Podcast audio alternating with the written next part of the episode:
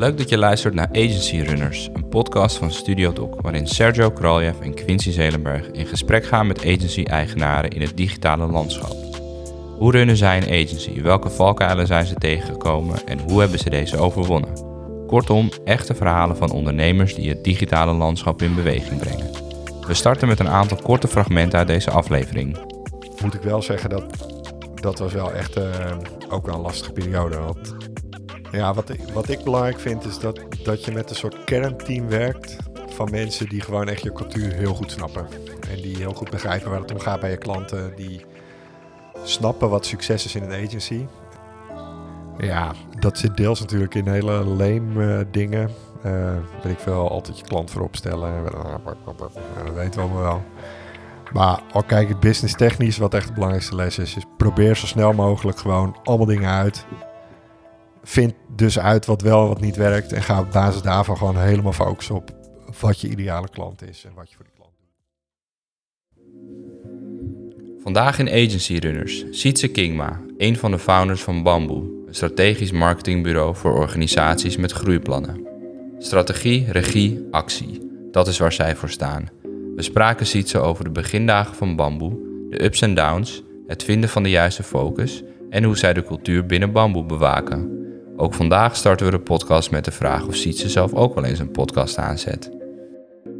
Ik ben best wel uh, podcast addict, moet ik zeggen. Ik zit ook wel in uh, podcast appgroepjes waarin we dingen uitwisselen.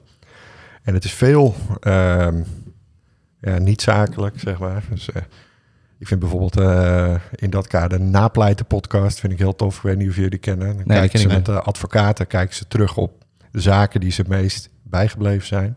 Hm. Super tof. Ja, echt, echt de diepte in. Ja. En uh, zakelijk gezien, ja, luister ik toch ook wel podcasts. Hoor. Wat, wat ik een leuke podcast vind, is de Groeivoer uh, podcast van Gerard Velde. Dus die interviewt dan uh, ondernemers ook een uurtje of zo, echt over hun reis, zo hun learnings. Um, flink de diepte in. Ja. Dus daar kan ik echt wel van leren. Ja. En je zei net al in het voorgesprek heel eventjes dat je zelf ook uh, bezig bent met de podcast. Ja, precies. Misschien ja. kun je daar nog even iets over vertellen? Ja, uh, ik ben uh, begonnen met Bart van Scale van de Scale-up Company. Zijn we podcast serie aan het maken over scale-up je marketing. Dus heel specifiek over ehm, groeitopics, marketing topics voor scale-ups en, ehm, en bedrijven die in ieder geval snel groeien. Ja. Ehm, ja, dus dat, dat is ook erg leuk om te doen. Dus in, in dat opzicht. Uh, wanneer, uh, wanneer is het te beluisteren? Ja, ik schat in ergens in uh, maart, april of zo dat de eerste zes afleveringen online gaan komen. Dat gaan we dus in de gaten houden. Zeker. Yes. Cool. Laat ik je weten. Precies. Ja, traditiegetrouw beginnen wij de podcast eigenlijk altijd met de vraag waar je bent geboren en hoe je de tijd daar hebt, hebt ervaren. Uh, ja, ik ben geboren in een uh, dorpje dat heet Kalverdijk. En dat is een onderdeel van een ander dorpje en dat heet Tuitje Horren. En dat ligt tussen Alkmaar en Schagen ongeveer uh, in. Ja. Maar daar heb ik maar heel kort gewoond. Oké. Okay. Elf maanden of twaalf maanden. Ja. En toen zijn wij naar Schagen verhuisd. En dat uh, ligt precies tussen Alkmaar en Den Helder in, in de Noordkop. en daar heb ik ja, tot, tot eind vorig jaar gewoond. Oké. Okay. Dus ben ik altijd blijven plakken. Dus ja. op een gegeven moment wel bedrijf in Purmerend. Bas, mijn compagnon, die komt op Purmerend. Dus dat was zo'n handigere plek. Ja. Uh, maar ik ben zelf altijd uh, in de Noordkop gebleven. En uh, ja, heb ik supergoeie, supergoeie jeugd gehad, supergoeie tijd gehad. Dus heel sociale, sociale jeugd met veel lol, plezier. altijd toffe dingen doen. Mooi verschagen vond ik zelf altijd, of vind ik zelf altijd, dat het een goede combinatie heeft tussen ja, uh, faciliteiten. Dus je hebt wel gewoon mm -hmm. een uh, bioscoop, een station en een horecaplein en uh, dat soort dingen allemaal, middelbare school en noem ja. op. Alleen het is echt zo klein dat er echt niks gebeurt verder qua ellende. Niet helemaal zo natuurlijk. Nee, nee, nee. Maar het is al een vrij chille plek ook. Ja. Dus ik vind het een hele goede combi. En qua studie? Ja, qua studie zit daar natuurlijk niks. Dus je kan er wel HAVO-VWO-achtige dingen doen Ja. natuurlijk. dus dat heb ik ook gedaan. En toen ben ik... 17 was ik toen nog, toen ben ik naar de Hogeschool Alkmaar gegaan. Oké. Dus dan moet je een stukje met de trein. Ja. En Hogeschool Alkmaar is ook echt een beetje zo'n boerenhogeschool. Inmiddels is het in Holland. Uh, maar de meeste mensen die daar op school zaten, die woonden ook gewoon nog thuis. Ja. Met de bus of met de trein uh, naar school. Helemaal prima. Alkmaar niet echt studentenstad. Nee, nee. Welke opleiding heb je, heb je gedaan? Commerciële economie. Net zoals eh 90% bij ons werk, denk ik. Ja, Dus eh, in mijn optiek vaak een opleiding als je niet precies weet wat je wil, alleen je bent wel goed in, eh, in eh, economie, een beetje cijfertjes. Ja, dan is dat best wel een uh, Een voor de hand liggende keuze. voor hand liggende Ja, keuze. Dan kan je echt alle kanten mee op. ja. En dat daar, dat daar afgemaakt. Ja, precies. Dus toen was ik 21, denk ik, dat ik daar eh, klaar was.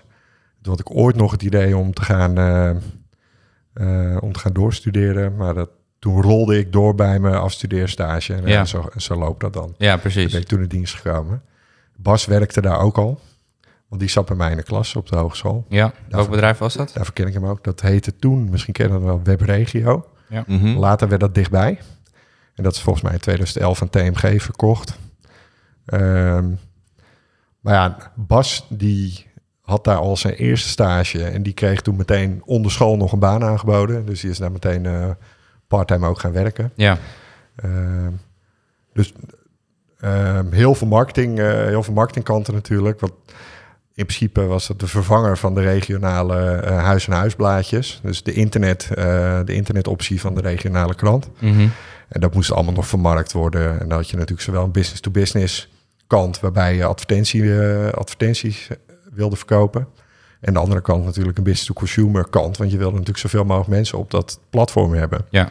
En eh, toen ik daar kwam werken, kwam ik op eh, mijn soort zusterbedrijf, Interactie heette dat. ehm, waarbij we websites en marketing verkochten aan die adverteerders van het platform. Dat was vrij voor de hand liggende, want eh acht van de tien of negen van de tien hadden natuurlijk een website bijvoorbeeld niet voor elkaar. ja, Dus dat werkte toen goed. Bas werkte toen wel al bij de, bij de krant, om het eh, zo maar te zeggen. Ehm, en toen werkte er denk ik eh, 25 of 30 man. Ik denk toen Bas daar wegging in 2013, volgens mij 160 man of 180 man. Oké. Dus dat was echt eh ja. gigantische groei. Spurt heeft dat Ja. bedrijf toen meegemaakt. En jij bleef daar nog, eh, nog plakken? Nee, ik ben toen in 2008 eh, denk ik weggegaan. En toen ben ik naar eh, hier in Amsterdam eh, komen werken bij een business-to-business eh, uitgeverij. Ja. Eerst eh, op de marketingafdeling. Er lagen super toffe opdrachten lagen daar. Want, eh, kijk, eh, wa- wat zij deden is op abonnementsbasis vakinformatie verkopen. Bijvoorbeeld aan HR-managers en facility managers. Ehm, maar in die tijd, dus 2007, 2008, was natuurlijk een beetje, nou, werd de internet gewoon groot. Ja. Ehm, ehm, gierden die abonnementen echt met bakken tegelijk eruit. Dat, dat was niet zuinig. Dus de omzet vloog echt eh, de deur uit. Dus ja, wat moest daar gebeuren? De, moest, het businessmodel moest opnieuw uitgedacht worden. Ehm, met als uitgangspunt van ja, die bedrijven die willen niet meer betalen voor hun vakinformatie. Mhm. Maar hoe kunnen we dan geld blijven verdienen? Dus eh, hoe kunnen we bijvoorbeeld dat publiek eh monetizen? Of hoe kunnen we zorgen dat we partnerinkomsten gaan genereren?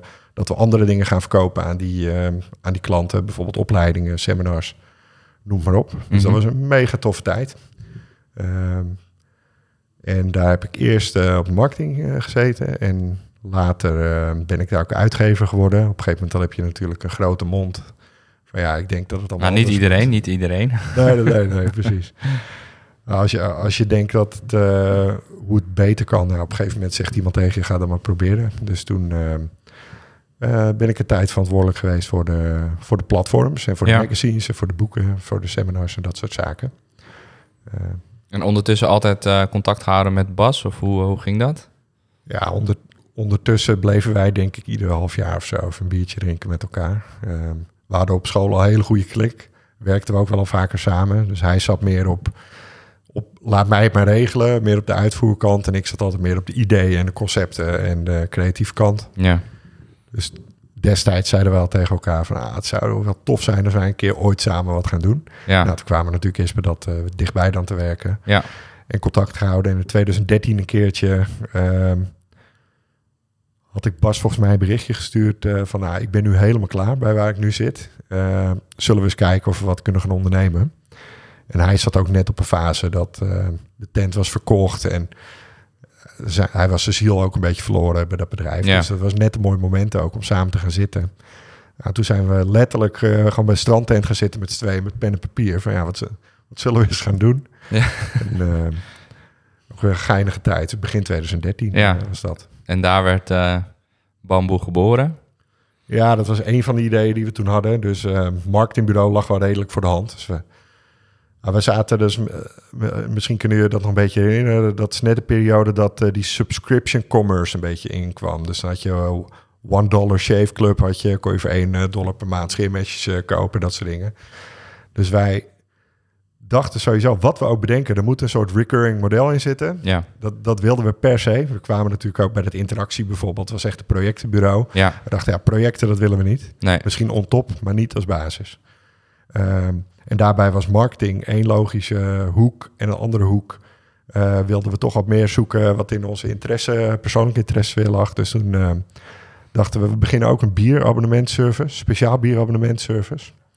Dat was er toen nog niet. Nu zijn er meerdere natuurlijk. Je hebt je Bearwolf, een Ja, Bear in the er zijn er heel en, wat, eh, heel wat. vandaag de dag. Ja, en toen, toen had je dat nog niet. Dus wij dachten, ja, daar beginnen we ook mee. En we gaan die twee dingen doen en we kijken wel wat schipstand. Ja, Dat was toen de aanpak. Dus toen hebben we op, eh, volgens mij op 3 mei of zo, eh, 2013, eh, bamboe ingeschreven.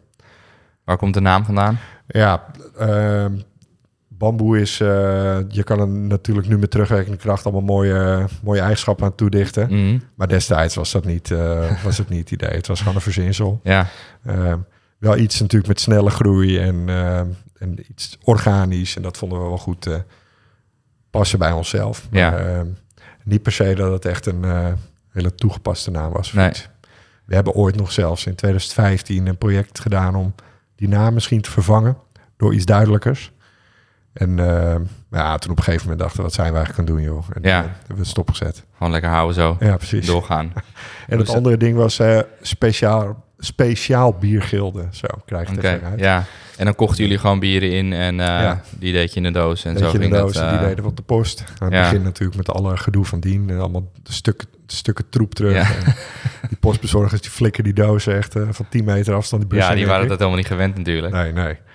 Ehm, ja, dus bier inkopen hadden we een aantal speciale plekken waar we dat... Onze insteek was wel dat we bier in die doos stopten... dat je niet bij de winkel kon kopen. Dat Ja, ja, ja. is echt wat speciaals. ja. En dat zijn, eh, dat zijn jullie een lange tijd gewoon naast elkaar blijven doen? Of eh, hoe zag die, eh, die beginfase eruit? Ja, inderdaad. Aan het begin deden we dat naast elkaar. En nou, het was wel flink pushen om die abonnees binnen te halen voor dat biergilde. En we hadden alles berekend dat ongeveer op duizend abonnees eh, zou het break-even punt liggen. Zouden we geld verdienen. Of beginnen met geld verdienen. Ehm, en op een gegeven moment hadden we iets van 150 abonnees of zo. En trekken, sleuren. en, en het marketingbureau, dat ging als speer meteen al. Ja. Dat, dat ging heel snel. Want die, het idee dat wij hadden voor het marketingbureau was... we gaan bedrijven die het niet zelf goed kunnen regelen... maar wel belangrijk vinden... gaan wij gewoon faciliteren met een soort marketingafdeling eh as a service. Ja, Dat was het eh, concept. Is het eigenlijk nog steeds. ja, En dat sloeg zo aan. Dat, ik denk medio 2015 eh, was het veel te druk daar... om dat bier er nog bij te doen. mhm.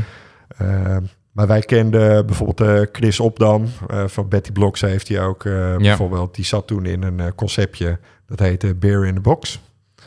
Die waren ja, of net voor ons of net na ons begonnen. Ik denk net na ons. Ja. Zij denk volgens mij net uh, nee. voor ons.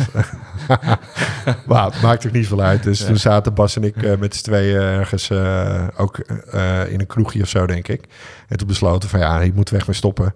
Dus toen hebben we hun geappt. En zij zaten ook toevallig net bij elkaar. Ja. Toen vijf, zes appjes later, toen hadden we soort deal dat zij de, de boedel zouden overnemen. Cool. En wij nog een paar jaar gratis bier uh, zouden Kijk, krijgen. Ja. Best wel een goede deal. Last van je schouders. Ja, joh, echt, ja. En toen dus, full, uh, full focus op uh, bamboe. Ja, toen zijn volle bak op het uh, marketingbureau gaan zitten, ja. ja. En hoe zag, die, hoe zag die beginfase eruit? Want jullie hadden natuurlijk wel wat, wat ervaring in de marketingwereld. Ja, dus helemaal in het begin, uh, ik denk dat dat in uh, december 2013 of zo was. Toen uh, ging ik de boer op. Ja. Dus ik ging gewoon mijn netwerk in van hey, we zijn een nieuw bedrijf begonnen, misschien tof om wat mee te doen.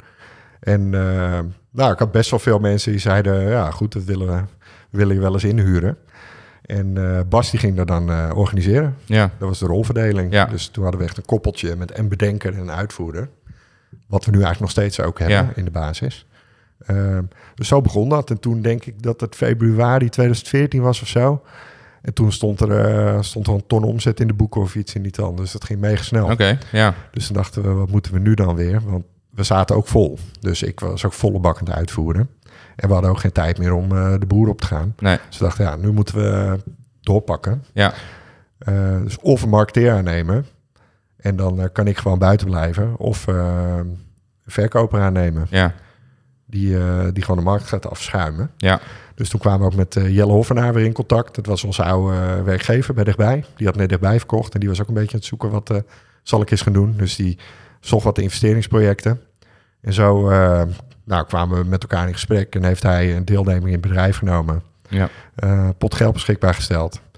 En toen hebben wij Bart Degeling aangenomen. Dat is onze eerste medewerker. Ook eh aandeelhouder inmiddels. Eh, als eh accountmanager. Die kwam ook bij dichtbij vandaan, overigens. Dus dat is echt een dichtbij eh club. Ja. Ja. Nou, die ging toen eh, de markt op. En eh, die ging ook gewoon zijn oude dichtbij-netwerk Ja. aflopen. Precies. En waarom kozen die, die eerste klanten voor, voor jullie, denk je? Ehm, ja, ik weet dat niet zeker, maar ik denk en ik hoop dat de pitch, dat het concept gewoon goed aansloeg. Dus ehm, inmiddels heb je ook best wel wat bureaus, of de meeste denk ik wel, die ook gewoon recurring eh, basis werken. Maar toen die tijd was dat ook nog niet zoveel. Nee. waren de meeste marketingbureaus gewoon projectenbureaus. En wij zeiden, ja, daar geloven we niet in. Wij denken gewoon, je moet eerst goede analyse maken wat er aan de hand is.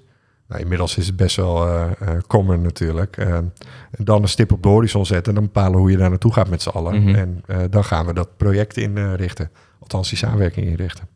En dat was het toen nog niet zoveel. En veel mensen bij wie we dat pitchten, die vonden dat eigenlijk heel logisch. Ja. En wij merkten dat er dus een hele schade aan bedrijven is... die gewoon echt tussen tafellaken en vet zit. Dus die willen het wel regelen. Die kunnen ook best wel één marketeer aannemen. Maar ja, daarmee heb je het topic niet afgedicht. Nee. Dus die doelgroep die zijn we toen heel erg gaan opzoeken. Ja, dat ging meteen wel hard. Ja. En dat ging je hard in eh, aantal klanten en team? Ja, beide wel. Dan moet ik wel zeggen dat dat was wel echt eh, ook wel een lastige periode. Want Bart, die deed het heel goed. Die ging zijn eh, netwerk aflopen. De keukenboer van hier in de hondentrimsalon, eh zeggen we wel eens gekscherend, Ja. daar op de hoek. Dus er kwamen allemaal bedrijven binnen die dit wel wilden. Maar we hadden natuurlijk nog helemaal nog niet geleerd wat voor type bedrijven passen nou goed bij ons. Nou, en aan de andere kant ging dat wel heel snel. Dus hadden we heel snel ook mensen nodig. Maar we hadden ook helemaal nog niet geleerd van wat voor dingen doen we nou voor die bedrijven en wat voor mensen passen daar het beste bij. Dus ik denk dat de eerste twee jaar was echt een eh, soort met, eh, ja, zowel een klanten als een medewerkerskant alles van straat trekken wat er langs eh, liep. Bewijs van. En dat ging ook natuurlijk helemaal niet goed. Nee. Dat, dat kwam niet goed. Nee, daar heb je wel veel van geleerd, als ik het Daar zo hebben we zie. echt veel van geleerd, ja, Ja. van die periode. Dus ik denk dat, ehm, dat het eind 2015 was of zo. Toen, toen kwamen er echt een paar dingen bij elkaar. Dus toen, toen zaten we ook al met 15 man of zo. Dus dat was al in twee jaar eh, echt wel snel gegroeid. Ja. Toen hadden we net op de groei twee strategen aangenomen. We hadden ook net een organisatiewijziging doorgevoerd. Dus ik vertelde je eerder dat we met die koppeltjes werken. Dus een strateeg en een marketingcoördinator eigenlijk. We dachten dat kunnen we beter doen. Dus we, in plaats van een strateeg doen we meer een marketingmanager. En dan nemen we specialisten aan. En die marketingmanager die gaat gewoon voor de klant werk uitzetten bij die specialisten. Dat leek ons ook slim. Nou, twee van die marketingmanagers aangenomen op de groei. Ehm, en eh, we hadden ook totaal nog geen grip op wat we nou deden voor klanten niet. Dus we deden ook bijvoorbeeld websites aannemen, branding trajecten, ehm, de, hele, de hele boel. En dat kwam echt tot een, soort allemaal bij elkaar in januari 2016 volgens mij. Dus toen gierden er echt in een tien klanten uit of zo. Er werden, nou, in mijn herinnering zal het vast groot zijn, maar er werden volgens mij drie websites gehackt of zo die wij hadden draaien. Ehm, in ene zaten die marketingmanagers zonder werk. En het bleek uit klantfeedback dat die organisatorische wijziging die we hadden doorgevoerd, dat eh, niet goed was. Dat, was niet, dat kwam niet aan. Oké. Want wat die klanten merkten, was dat die uitvoerders van het werk, die hadden veel minder affiniteit met die klant en met, het, met de business van die klant. Dus als je als marketingcoördinator al twee jaar voor een bepaalde opleider werkt, ja, op een gegeven moment ken je elkaar door en door. En nu moest dus iemand een e-mailmarketingcampagne opzetten voor een bepaalde opleider waar hij nog nooit van had gewer- eh, eh, voor had gewerkt. Ja. Nou, dat ging gewoon eh, helemaal niet goed. Ja. Dus de toon was mis. Die klanten misten gewoon de persoonlijke connectie. Ehm, dus dat ging op alle fronten mis. Want toen gingen er nog meer klanten Ja. uitvallen natuurlijk. Want die wijziging hadden jullie ook gewoon eigenlijk direct bij alle klanten doorgevoerd. Direct, Ja. 100%. Ja, een hoop van geleerd inderdaad. Ja.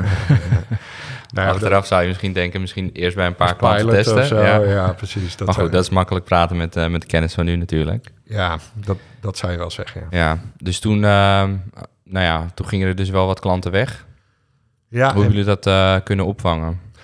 Ja, dat was gewoon. We hadden net eh, bij de Raadbank een lening aangevraagd, een groei, groeilening, om gewoon sneller op te schalen. Dus wilden bijvoorbeeld meer commercie van aannemen. En dat kwam net in februari 2016 kwam dat los. Dat was eh, volgens mij een halve ton of zo. Ehm, en die hadden we ook echt keihard nodig om de salarissen te kunnen betalen in die Ja. maand. Maar ja, toen moesten we wel terug naar de tekentafel. Dus toen, eh, we hadden best wel wat tijdelijk contracten nog.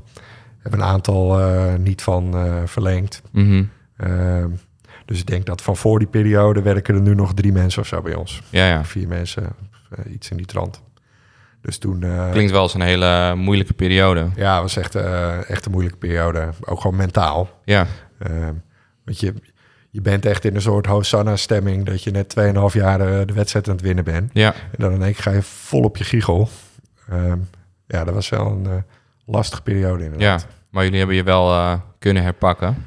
Ja, uit- uiteindelijk natuurlijk wel. Want zo, zit, zo zitten wij ook echt wel in elkaar. Dus we hebben een soort overzicht gemaakt van wat is hier nou misgaan. Dus eh, toen kwamen we achter die organisatiewijziging die niet goed ging. En we hebben ook gekeken, wat verkopen we nou wel en niet? Bijvoorbeeld, wat doen we wel en niet?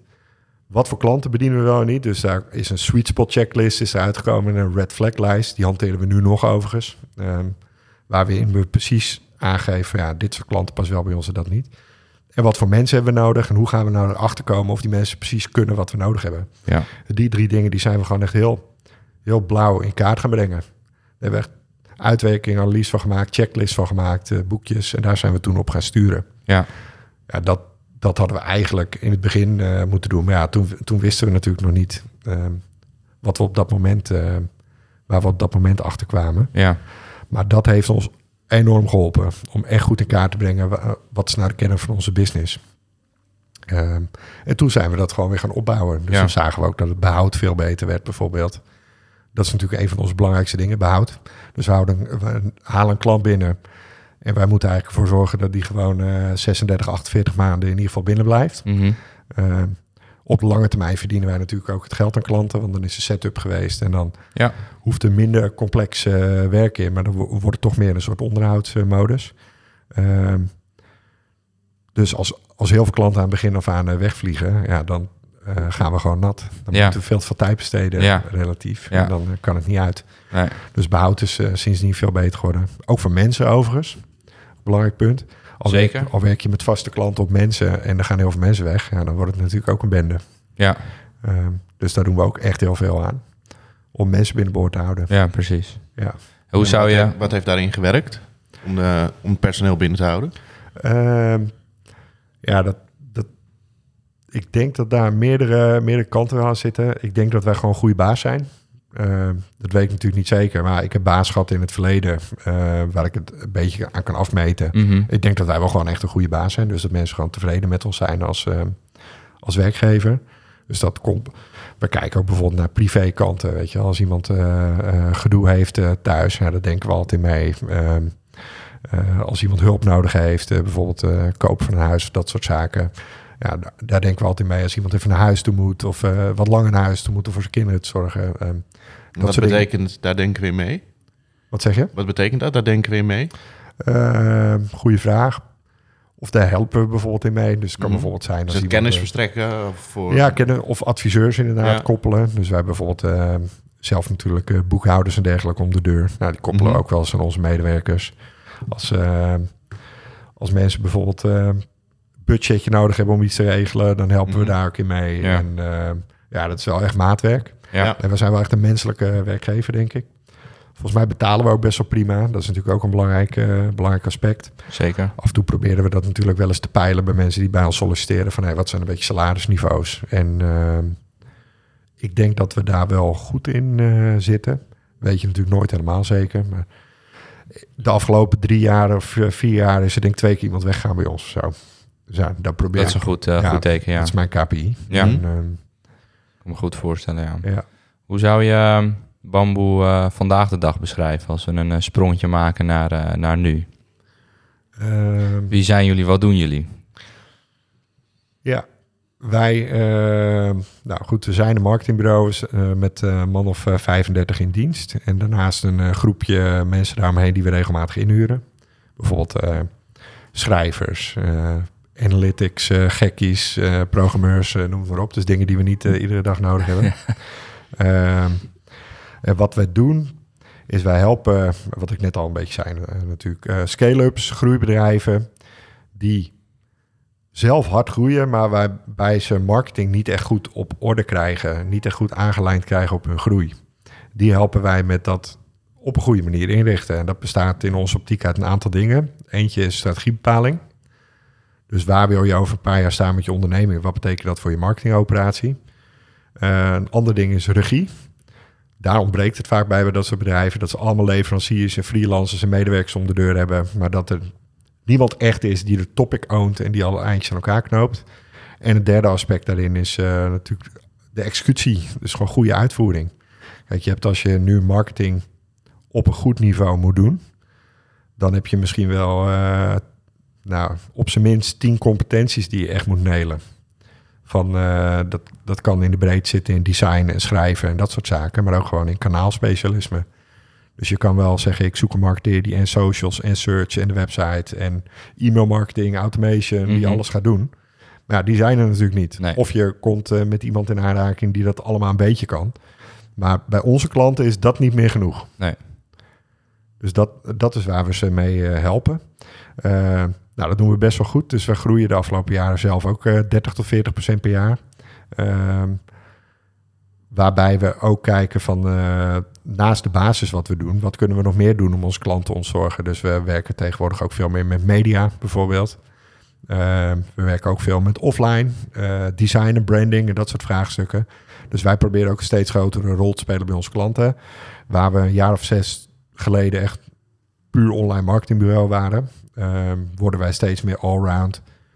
Ja, ik zou bijna Nou, zeggen... ook omdat het steeds meer raakvlak met elkaar heeft natuurlijk. Absoluut, het zijn niet zeker. los... eh, Nee, en wij willen natuurlijk ook niet als we bij een klant zitten waar wij vinden dat wij de regie voeren op een marketingbeleid, dat er allemaal andere mensen komen die weer iets vinden van media, branding en dat soort dingen waar wij nog geen grip op hebben. mhm. Want daarop breekt het juist vaak weer aan. Ja, Want dan komt er weer iemand die eh, een branding traject in gang zet wat niet goed past bij de rest van het beleid. Ja, dan gaat alles kapot. Want het moet natuurlijk wel op elkaar aangelijnd zijn. ja. Dus wij proberen echt het compleet speelveld te integreren.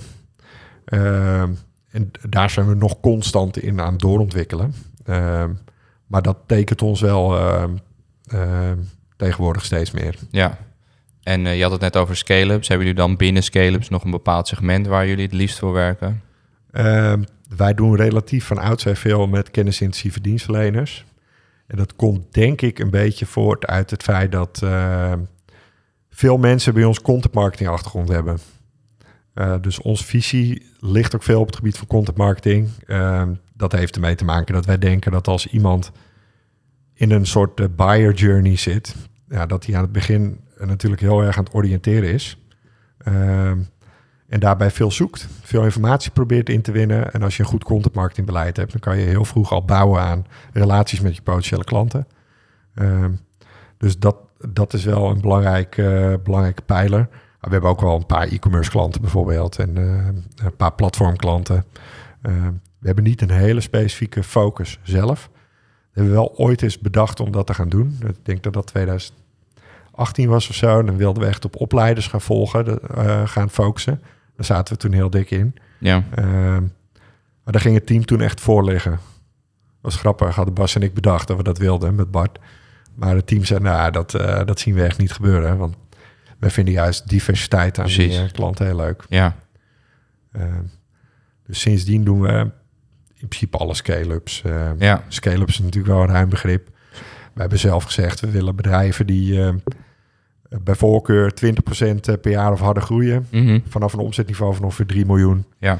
En eh, we zien dat het plafond een beetje rond de 15 miljoen zit. Ja, ja. Dus als mensen 150 tot- of als bedrijven 150, 200 medewerkers in dienst hebben, dan moeten ze wel in staat zijn om marketing zelf goed te organiseren. ja. Wat overigens lang niet altijd zo is. Zeker niet. Nee. Nee. nee.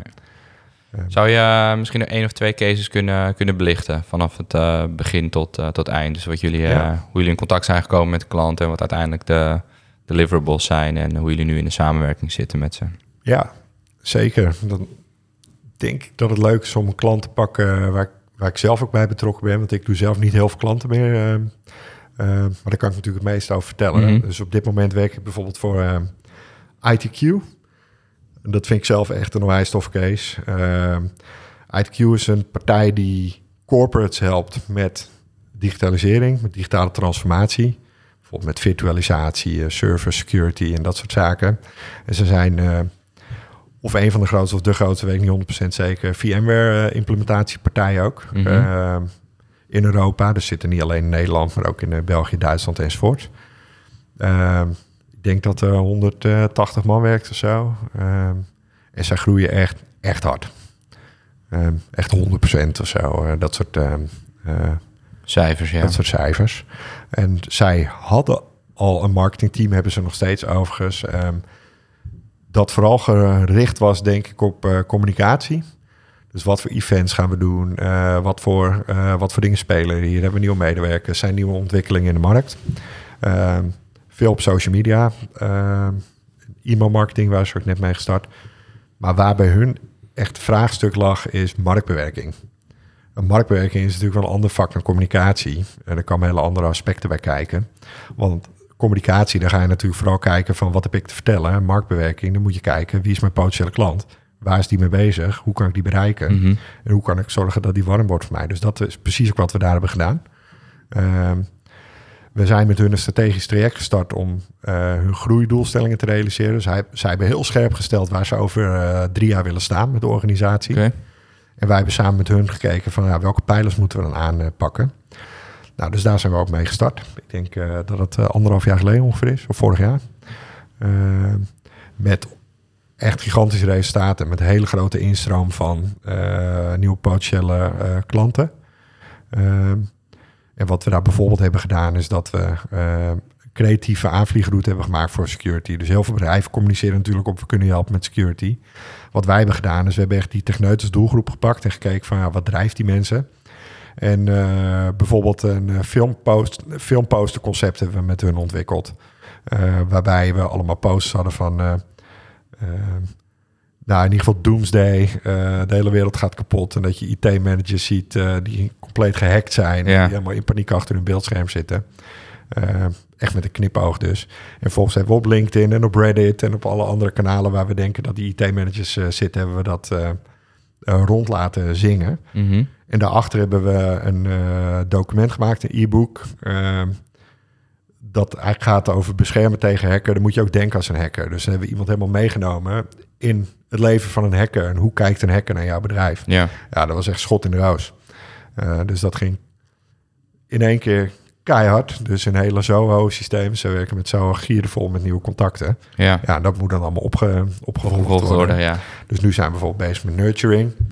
Eh, wat dan ook natuurlijk een belangrijk topic is. Dus hoe gaan we zorgen dat een marketingcontact salescontact eh, wordt. En met het uitrollen over andere topics. En andere landen. Dus nu zitten we met security bijvoorbeeld ook in België, Duitsland. En eh, rollen we verder uit. En eh, zijn we bijvoorbeeld met eh, managed services proposities... zijn we nu de- hetzelfde trucje eigenlijk aan het doen. Ja. Om zo een complete marktbewerkingsstrategie voor hun neer te zetten. Cool. Ja, met hun ook. Dus wij zitten erop met een team van drie mensen. En zij hebben ook drie mensen. Ja. Dus in totaal ben je dan gewoon met z'n zessen ben je, Ja. ben je dit aan het doen. Ehm, dus waar we vroeger veel klanten hadden van acht uur per maand de social media bijhouden. Ja. Ja, we hebben nu gewoon klanten waarin we gewoon met teams, eh, teams werken. Waar je echt als verlengstuk eh, ja, van het bedrijf werkt, ja. ja dat, vind, eh, dat vind ik echt kicken. Ja. Een, van- dat is wel een van mijn drijfveren ook, gewoon impact, impact maken. Ik vind, ik vind het tof zolang als dat we echt iets toevoegen aan een klant. En als dat ook niet meer zo is, dan verlies ik mijn interesse ook een beetje, persoonlijk.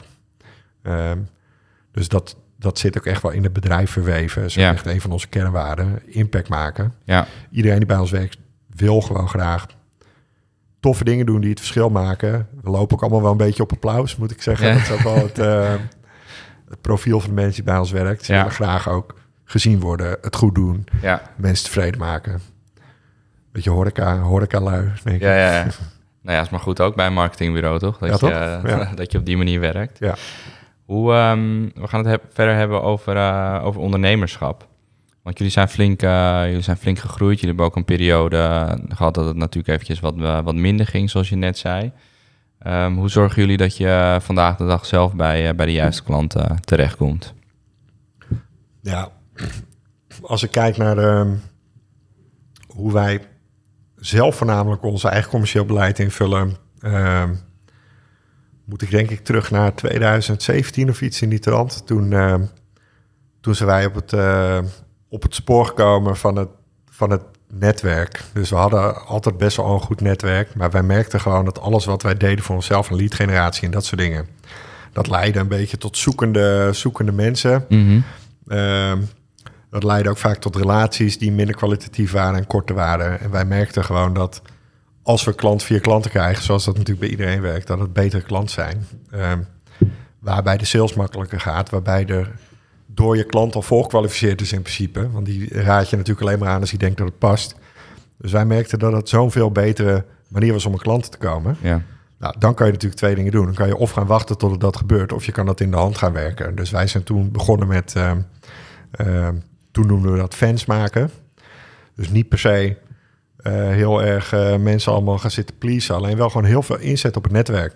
En ook gewoon klanten die eh, andere klanten aanbevelen. Mhm. Ga er eens lekker een hapje mee eten. Zorg dat als een van je contactpersonen bij een klant een kindje krijgt bijvoorbeeld, dat je daar wat aandacht aan besteedt. Een bamboe shirtje de kant op, noem maar op. Dus wij- zijn heel erg gaan sturen op, op die manier op het netwerk. En daarnaast ook met echt ook het opzoeken van partijen die heel goed in netwerk zitten. Ehm, dus bijvoorbeeld eh, webbouwers, brandingbureaus en, en bureaus en dat soort partijen, reclamebureaus. Ja, die zitten natuurlijk ook heel veel bij bedrijven die eh, wij zouden kunnen bedienen. Ja. En als je het voor elkaar krijgt om een soort met warm netwerk te bouwen, waarin je goede klanten die goed bij je passen, eh, door kan schuiven naar vrienden. Eh, om vooral ook die klant te helpen natuurlijk. Hè. Dat, Ja. eh, Ja. Daar begint het mee. Nou, dan werkt dat goed. Dus bij ons gaat dat goed. Dus Bart Degeling die doet bij ons de commercie. En eh, ja, we, eh, we noemen hem niet echt de verkoper, want dat is hij ook niet. We noemen het eerder eh, een beetje gekscherend de doorbitch eh, Ja. bij ons. Dus die gaat met z'n... nou, Zo erg is het natuurlijk niet. Alleen die, die kijkt wel gewoon... Past deze onderneming bij ons? Passen Ja. wij bij deze onderneming? Past de vraagstelling bij ons? En hoe kunnen, we, hoe kunnen we zo goed mogelijk afspraken maken... over het begin van de samenwerking? Ja. Dat is natuurlijk een hele andere insteek dan... eh, met de gouden gids op schoot Ja. eh, Ja. de markt afschuimen. Ja, zo zorg je natuurlijk gewoon dat, eh, dat er op, ja, opdrachtgevers van, eh, van niveau binnenkomen. En daarmee Ja. hou je natuurlijk ook het team tevreden. Ja, dat is echt En, wel de sleutel, en de klanten. denk ik. En de klanten natuurlijk. Ja. Zeker, want dat jaagt elkaar natuurlijk aan. Hè? Dus als we grotere, betere, mooiere klanten binnenhalen, dan vraagt dat ook meer specialisme van mensen. Bijvoorbeeld, mensen moeten groeien, moeten steeds beter worden. Iedereen wordt uitgedaagd. En over het algemeen geldt te denken in de meeste bedrijven zo dat, eh, dat iets grotere klanten, eh, waarmee ik bedoel wij wat meer tijd om mag besteden, dat het op een gegeven moment ook gewoon makkelijker werkt dan kleine klanten. Ja. Je hebt ook eh, voorbeeldje inderdaad, als je acht uur per maand voor een bedrijf socials doet. Nou, als je je laptop openklapt, dan heb je de eerste kwartier of zo al gehad, eh bij wijze Ja. van.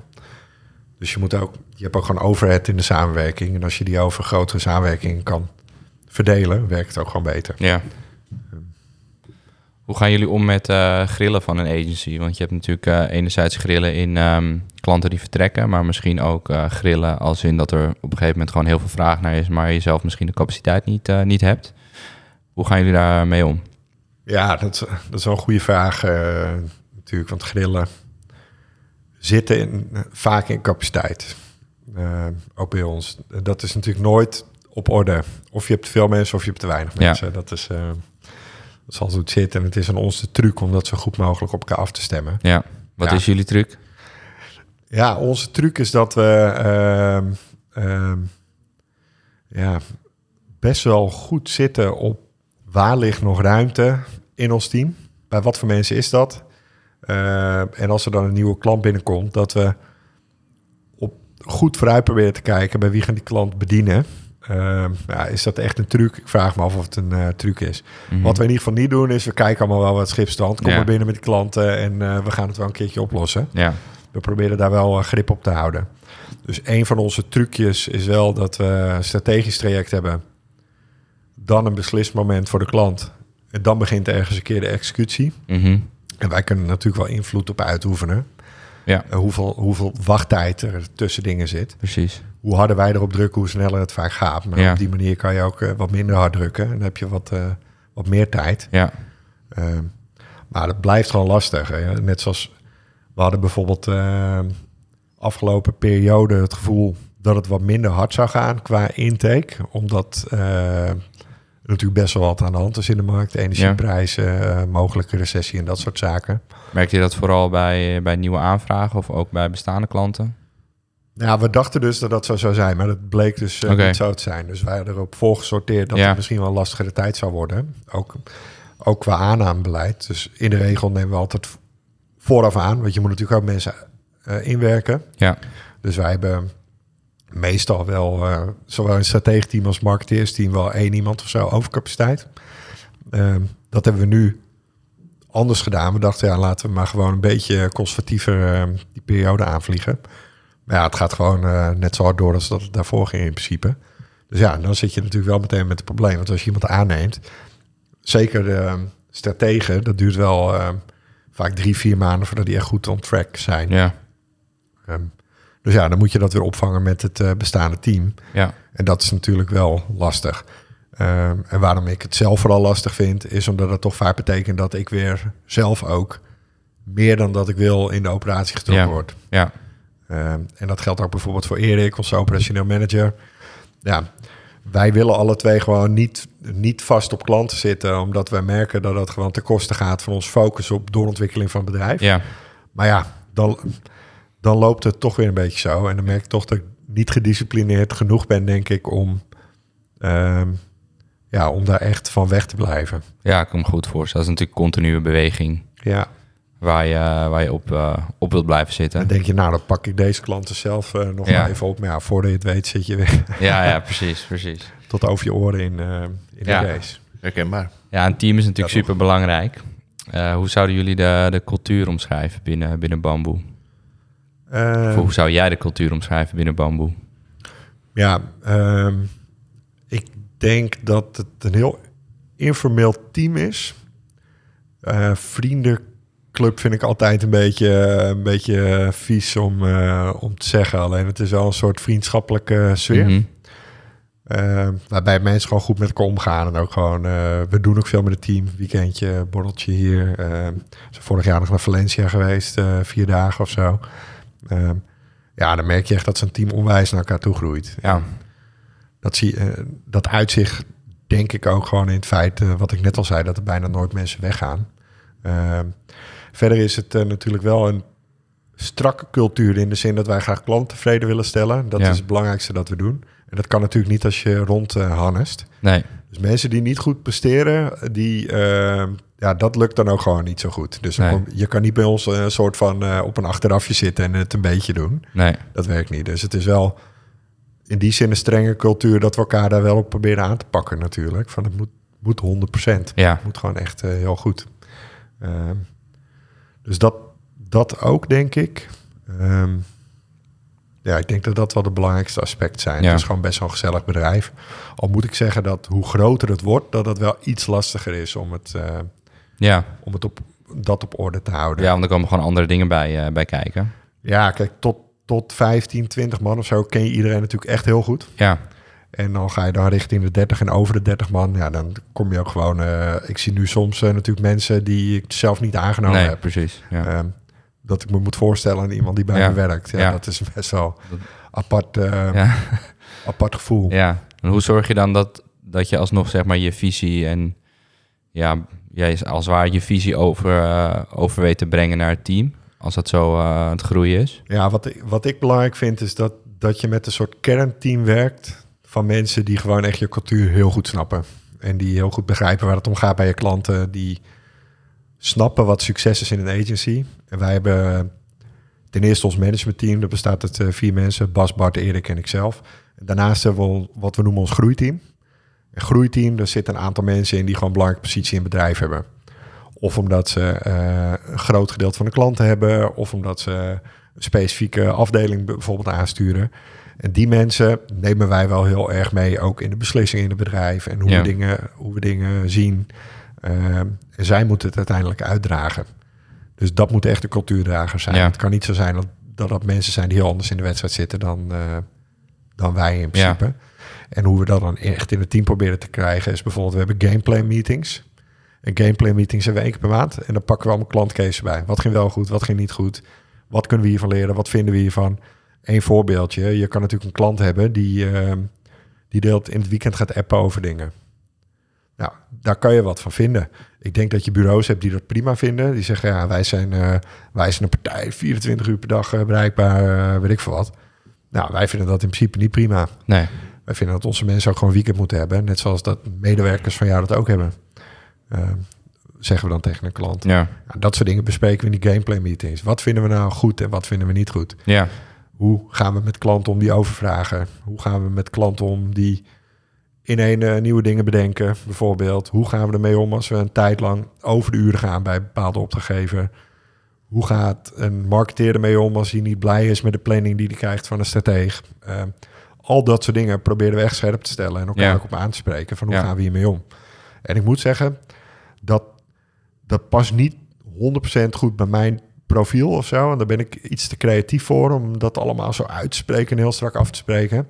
Maar ik merk dat ik nou onwijs waarde aan ben gaan hechten. Omdat het dingen gewoon heel duidelijk maakt. Ja. dus je Concreet. hoeft- ja, je hoeft over heel veel dingen hoef je het niet meer te hebben met elkaar. Want dat heb je gewoon afgesproken. Ja. Dus we hebben gewoon gameplan, eh overzicht ook gewoon aan de muur hangen. Ja. ons. En dan staat het gewoon, eh dan staat gewoon op hoe wij eh, dingen doen. Dat wordt constant vernieuwd. Ja. Dat is ook een goede, goede manier, Ja, precies. En jullie zijn recentelijk ook eh, verhuisd, zag ik eh, voorbij komen. Ja, klopt. Hoe is dat, eh, hoe is dat allemaal gegaan? Best wel soepeltjes, althans voor, voor, mij, voor mijzelf. Omdat Bas alles moest regelen? Ja, ja, precies. Bas moest, al, moest alles fixen. Bas en Marit, die hebben met z'n tweeën eigenlijk die hele verhuizing gefixt. Maar dat was natuurlijk wel een complex ding. Dus wij, wij hadden een pand van, denk ik, eh 350 vierkante meter of iets. Dus natuurlijk al best wel eh, ruim. Ehm, maar we merkten dat we wel een beetje uit ons jasje waren gegroeid. Het heeft Ja. er ook mee te maken dat we vaak klanten op kantoor hebben bijvoorbeeld. Ja, Dat wil ik ook heel graag, Mhm. want ik vind het goed dat klanten ook de dynamiek van het bedrijf eh, proeven. zeker. Maar dan moet je dat wel faciliteren. Ja. En dat lukt ons steeds minder goed eh, op die ruimte. Dus we hebben een pand gevonden ernaast. Letterlijk ernaast, gewoon 30 meter. Ja. eh. Dus op, ze zijn een paar maanden aan het verbouwen geweest. En toen hebben we letterlijk op vrijdagmiddag drie uur allemaal een bureautje opgepakt. En zijn we 30 meter gelopen, de lift Ja. ingezet en naar boven. Dus dat was voor ons ideaal. Ja, Uh, maar het is een gigantische step-up. Dus ooit dachten we van ja, misschien kan dat bureau wel een keer eh, dicht. Dan gaan mensen lekker thuiswerken. Nou, dat heeft iedereen wel gedacht, eh, denk ik. ja, Maar zo, ja, we hadden op een gegeven moment een reserveringstool in de coronaperiode. Moesten mensen eh, aangeven of ze kwamen of niet. Nou, dan vochten mensen elkaar echt de tent uit om eh, naar kantoor te kunnen komen. Ja. En dat is nooit anders eh, geworden. Dus mensen komen gewoon graag naar kantoor. Heeft ook mee te maken dat we veel jonge mensen hebben. Ik denk dat gemiddeld, eh, gemiddeld bij bamboe mensen 29 zijn of 30. Eh, dus dat zijn ook mensen die graag elkaar ontmoeten en met elkaar, met elkaar het gesprek aan gaan, Ja. van elkaar leren. ja, precies. Ook een hoop lachen natuurlijk. Ja. Heb je ook wel eens, nou, vast wel, maar bepaalde failures waar je eh, tegenaan bent gelopen en eh, nog een goede lering uit hebt eh, getrokken? Persoonlijke, persoonlijk zaken. ja, nou ja, persoonlijk, of, nou ja, persoonlijk, zakelijk, een beetje de mix. Ehm, ja, wat, ehm, wat, ik denk ik wel zou kunnen noemen, dat is wa- wat meer conceptuele failure, denk ik. En dat is dat als je een eh, agency hebt, dan word je vaak natuurlijk ingehuurd om business te maken. Ehm, wat erin kan resulteren dat klanten gewoon na twee, drie maanden zeggen, waar blijven de leads? Wat erin kan resulteren dat je daar zelf ook heel erg op gaat sturen. Dus ik denk dat we echt als bureau, maar ik zelf ook gewoon veel te performance driven ben geweest aan het begin. Veel te veel wilde pleasen. En inmiddels heb ik wel geleerd dat echt goed marketingbeleid, daar moet uiteindelijk wel business uitkomen. Maar dat begint het niet. Het begint met je proposities goed scherp stellen, je brand op orde maken, zorgen dat je bekend bent, dat mensen van je merk gaan houden of van je bedrijf gaan houden. En dan aan performance werken.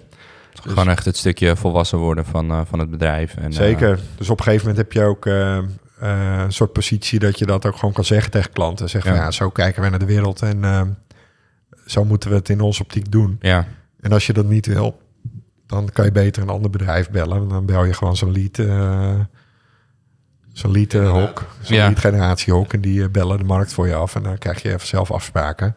Als dat is hoe je wil werken, dan moet Ja. je dat doen. En wij geloven in lange termijn fundament. Ehm, maar dat is echt, ehm, ja, dat heeft, dat heeft lang bij mij ook gehangen. Dat ik te veel, denk ik, eh, klanten wilde pleasen. ja, Ehm, dus dat is eh, denk ik een failure. Ja, ik zie het wel als een soort van failure dat ik gewoon te veel moeite heb om uit de operatie te komen. ja, Dat is natuurlijk ook een struggle voor veel ondernemers. zeker. Het is niet zo dat ik echt zelf nog in campagne zit te harnessen of zo. ehm, maar Heb je dan ook mensen om je heen, coaches, personen die, eh, die jullie of jou en Bas eh, daarmee helpen? ja, dat, dat proberen we wel te doen. Dus we zijn vorig jaar ook begonnen met het eh, zoeken van goede netwerken waar we, waar we ons mee kunnen eh, verbeteren. Mhm. Ehm, dus ik ben nu gestart met IO, Entrepreneurs Organization. Er zitten allemaal eh, gelijkgestemden in. En ehm, Bas zit ook in zo'n soort netwerk Ja. inmiddels. En daarin proberen we onszelf wel aan te scherpen. Maar het, dat, dat moet ik denk ik wel. Bas en ik zijn het over het algemeen snel met elkaar eens. En we vertrouwen ons ook, elkaar ook veel. Dus als Bas iets heel stellig zegt, dan denk ik, ja, het zal wel goed zitten. En andersom is het ook zo. Dus wij zijn ja, we komen op zich. Het is wel goed gelukt natuurlijk de afgelopen periode. Ja. Alleen we, we maken het elkaar niet echt moeilijk. Waardoor we soms denk ik niet het maximale eruit halen. En elkaar een beetje te, te makkelijk weg laten komen ook met dingen. En dan zit natuurlijk ook een dynamiek in je managementteam. Ja, Dus eh, Bart is in dat, dat opzicht ons commercieel manager ook een beetje zoals ons. Dus die, eh, wij komen met z'n drieën, eh, zijn we het sne- snel met elkaar eens. Ja. En Erik bijvoorbeeld, die zit er anders in. Dus die Ja. is kritischer en die maakt het ons ook moeilijker. Dan zie je direct al dat zo'n toevoeging in je managementteam, dat je echt veel brengt. ja. Eh, gewoon weer even op scherp gezet. ja, als ik iets niet heb gedaan, ik zeg tegen Bas en Bart, ja, nou, ik kwam er niet aan toe, want eh, ja, Ja, ik moest even wat anders doen. Zegt ze, ja, oké. En Erik zegt dan, ja, maar je had gezegd dat je zou doen, waarom heb je het niet gedaan? ja, Ja, dat is wel iets wat ik nodig heb ja. ook. Eh, dus zo proberen we dat wel steeds beter te maken. En zo wordt het wel steeds meer een bedrijf, denk Ja, ik. ja precies. Ja. Ja, jullie zijn natuurlijk al een eh, lange tijd bezig. Wat zijn voor jou de, de mooie en wat zijn de mindere kanten van het eh, ondernemerschap? Ehm, ja, ik vind ehm, het mooie best wel een best wel een goede vraag.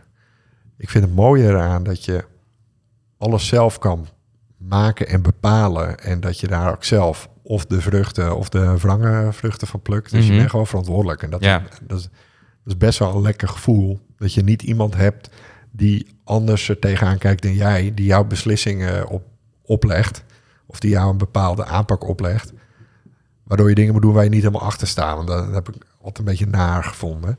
Het is niet zo dat ik echt zo'n rasondernemer ben die op school al eh, eh, eh, DVD, gekopieerde dvd'tjes stond te verkopen Nee, of zo. Maar ik ben wel iemand die gewoon graag zijn eigen visie in werking zet.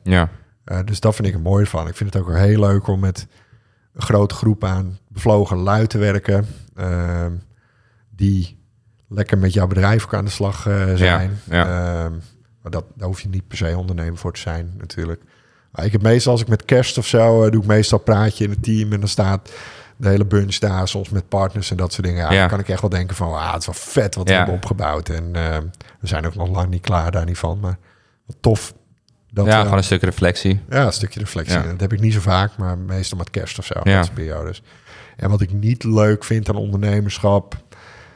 Ja, ik heb toch het gevoel dat je als ondernemer ook gewoon veel bezig bent met andermans shit eh, de hele tijd opruimen. Eh, alles wat niet goed gaat, komt ook gewoon bij je terecht. Zeker als je dat nog niet goed genoeg geregeld hebt.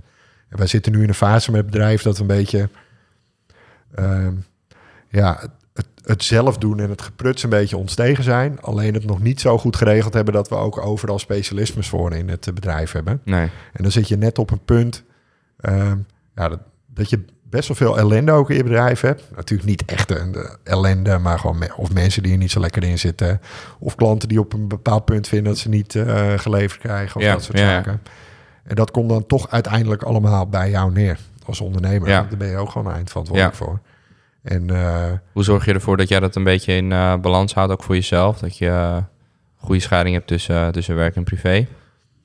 Of misschien ja, is die scheiding nee, helemaal niet? Nee, dat, dat heb ik niet, zo, niet zozeer. Het is niet zo dat ik 90 uur werk per week of zo. Ik werk natuurlijk wel wat meer dan de gemiddelde ehm, eh, iemand eh, eh, die in dienst is, denk ik. Ja, maar ja, die scheiding die is er inderdaad niet echt. Ik denk s'avonds ook vaak aan het bedrijf. Of ik ben in het weekend nog een ideetje aan het uitwerken. En dat, dat gaat natuurlijk maar door. ja, En als er iets niet goed gaat in het bedrijf, bijvoorbeeld iemand met iemands gezondheid gaat het niet goed of iets in die trant.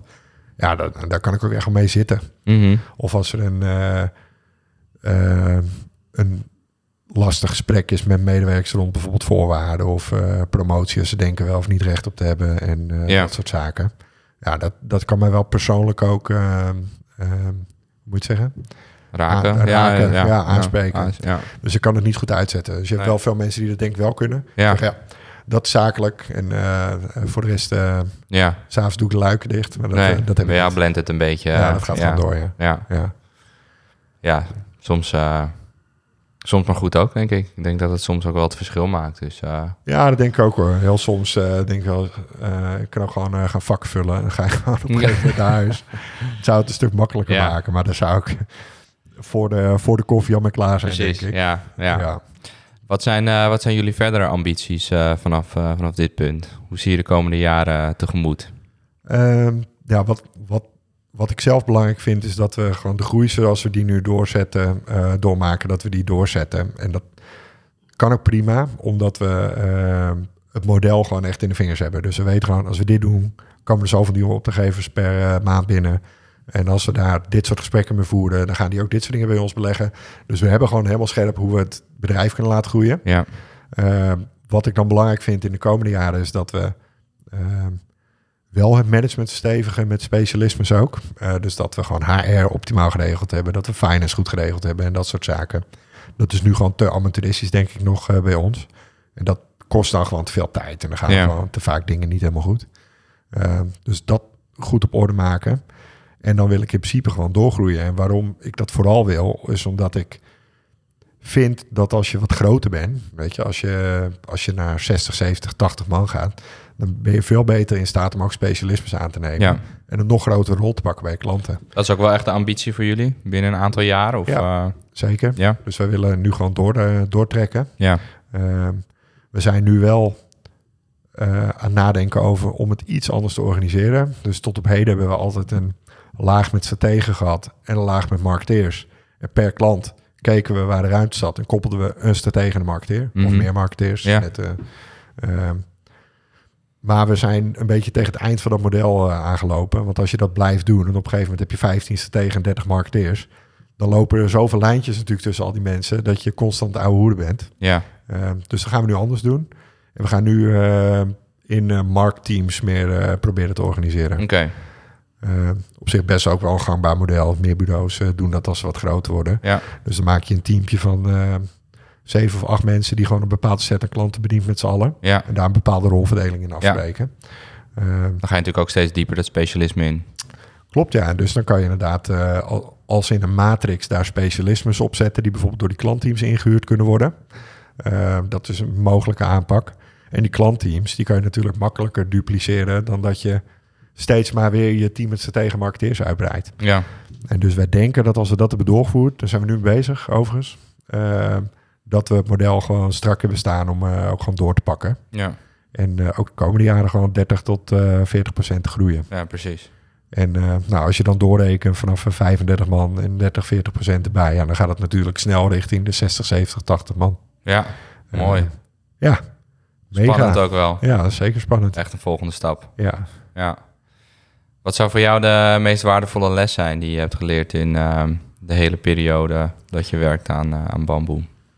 Uh, ja, dat zit deels natuurlijk in hele leem uh, dingen. Uh, weet ik veel, altijd je klant voorop stellen. Ja. Dat weten we wel. maar al kijk ik business technisch, wat echt de belangrijkste les is, is probeer zo snel mogelijk gewoon allemaal dingen uit. Vind dus uit wat wel en wat niet werkt. En ga op basis daarvan gewoon helemaal focussen op wat je ideale klant is en wat je voor die klant doet. En wat je heel goed moet kunnen om dat ook te doen. Ja. vanaf dat we dat zijn, scherp eh, zijn gaan stellen, zijn we pas geld gaan verdienen eigenlijk. En we merken ook dat als we periodes hebben, als we dat een beetje loslaten. Het kan als het commercieel gezien bijvoorbeeld een beetje te traag gaat in je optiek. Nou, dan word je weer wat te makkelijk. Ja, Nee, ook dit aan. En ook een klantje dat niet helemaal goed past bij, eh, bij Sweet Spot. ja, Nou, dan, eigenlijk weet je het van tevoren al. Dat, dat moet je niet doen. nee. Dat werkt niet. Dus hoe beter je in staat bent om dat snel te bepalen en daar dan ook echt op te sturen, hoe sneller je geld gaat verdienen in mijn Ja. optiek. Ja. In mijn ervaring. We komen langzamerhand eh, richting het einde van de podcast. Ehm, zou je nog een eh, oproep of iets dergelijks willen doen aan de mensen die luisteren? Zoeken jullie nog mensen? Eh, Ehm, we zoeken altijd goede mensen. Dus als je... nadruk op goede. moet wel echt goede mensen zijn. Ja. Dus als je een goede marketingmanager of marketingstratege of marketeer bent, dat ook bij een bedrijf voor werken, dat alleen maar groeibedrijven helpt met de marketing beter te organiseren. Vet dynamisch natuurlijk. Ja. Ja. Dan moet je een bamboeketje bellen. En voor de rest, eh, ja, een oproep. Nou, ik zou Ja, je, echt, je eh, podcast aanzetten natuurlijk. Ja, zeker. De- deze podcast blijven volgen Ja, en, En ook die van jou. en mijn podcast opzoeken. Dat, eh, Cool. Goede oproep. Zeker. Wat tof dat je het einde van deze aflevering hebt gehaald. Benieuwd wie er nog meer in de podcast verschijnt? Check dan agencyrunners.nl. We zijn ook benieuwd naar je mening. Laat een reactie achter in de Q&A-sectie op Spotify en klik op volgen om op de hoogte te blijven.